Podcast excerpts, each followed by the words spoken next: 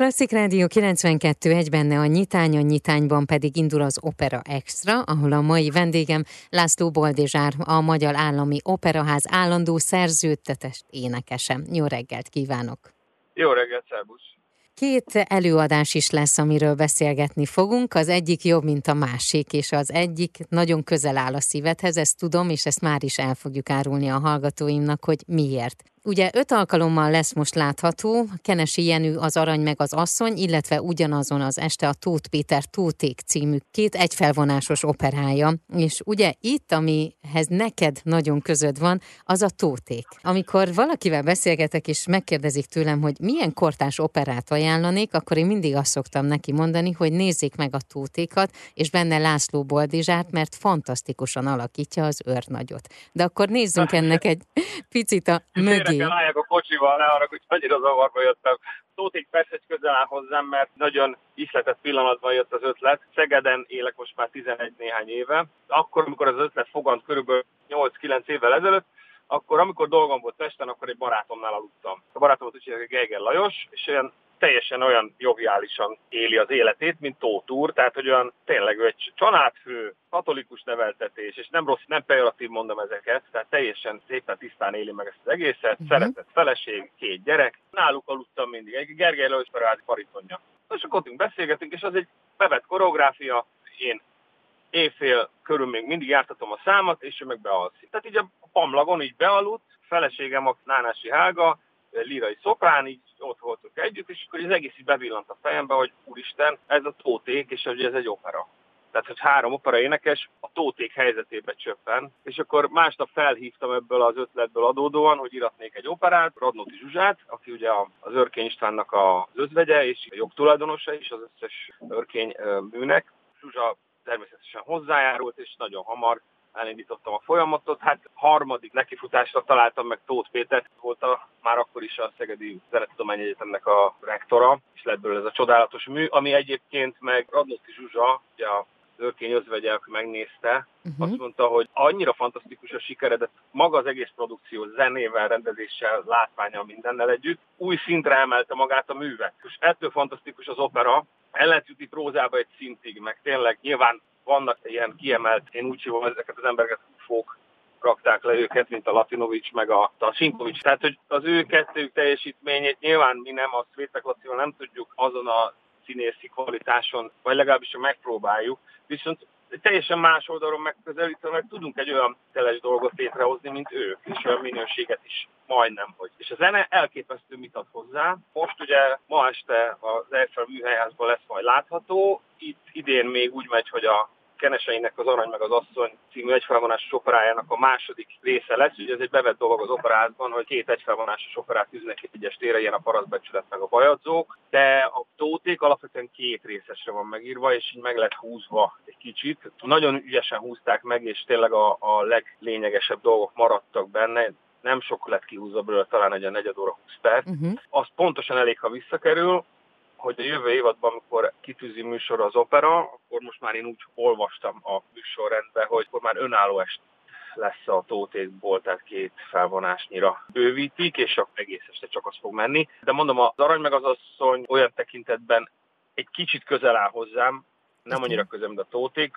Két évvel ezelőtt, amikor bemutattuk, ugye Kisbi Attila a főszereplője, és hát akkoriban vette át az Operett Színház igazgatását, és nem mindig ért rá próbálni, és akkor ilyenkor bevett szokás, hogy a kollégák megkérik, hogy tanulja be a szerepet, és akkor egyrészt készen állok, ha esetleg ő neki bármi miatt nem tudná megcsinálni, másrészt meg a próbák egy részét át tudtam vállalni, és így megismertem. És fantasztikus mű az is egyébként.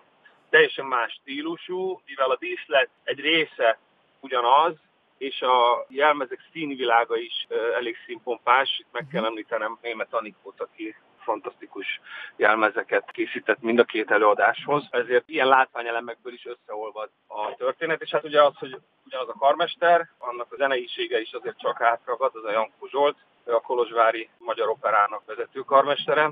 Az Arany meg az Asszony is egy 60-as években íródott mű, Krudi novellából írták, és egy eléggé romantikus, ilyen nagyívű történet, a, az, az örkény tóték, hát az meg olyan a zenéje, mint a tóték, tehát abszolút illeszkedik hozzá, vicces, humoros, felemelő, elgondolkoztató, szóval én nagyon-nagyon-nagyon szeretem. November 26-án, 28-án, december 4-én és 11-én, valamint 17-én láthatóak majd ezek az előadások. Az Eiffel Műhelyházban, ami nagyon-nagyon szépen felújított területen, abszolút kulturált, Ugorjunk egy picit erről a darabról, erről a két darabról, most december 4-ére, hiszen Hoffman meséi lesznek láthatóak, akkor lesz a premier, ahol ugye Kolonics Klára mellett téged is láthatnak, illetve Kálmán Pétert is Székely Kriszta rendezésében.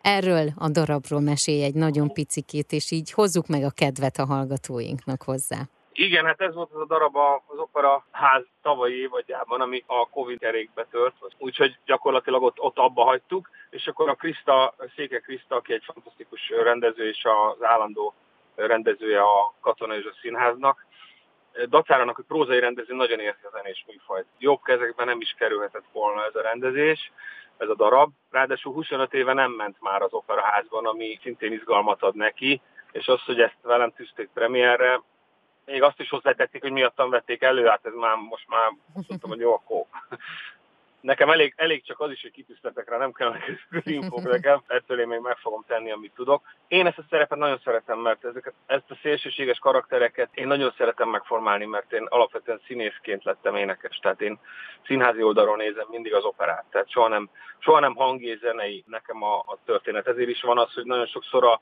a zenei megformálása az utolsó hétre áll össze nekem. Tehát uh-huh. én, mhm. én inkább először a figurával szeretek kész lenni, és a színpadon szeretem magam a helyzetekben biztonságban érezni, és és akkor utána pedig már jön nekem a zene önmagától. Ez nem fordítva van. Ez a Hoffman ebben meg tényleg lehet fürdeni, mert ez, ebbe azt lehet beletenni a lelkemből, amit nem szégyellek. Tegnap kitaláltam azt, hogy a legvégén már, már úgy örjön, és már mind a mhm. három nőjét bemutatta, akkor mondtam, hogy én most szívem szerint itt félmeztelenre vetköznék az őrjeink. És Kriszt azt mondja, tessék parancsolni.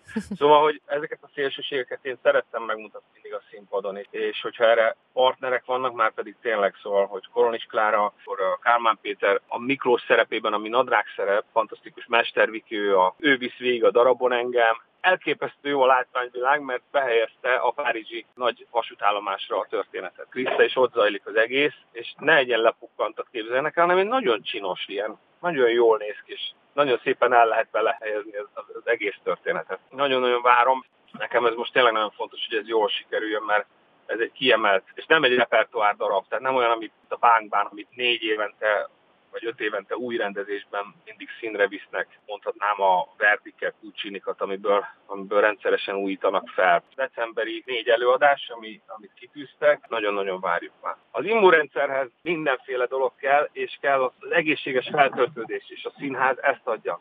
És ha ezt elfogadják a nézők, és kipróbálják ennek a jótékony hatásait, meg fogják látni azt, hogy, hogy nem attól fognak megbetegedni, hogy eljönnek a színházba, hanem attól fognak meggyógyulni. Legyen ez a végszó. Köszönöm szépen.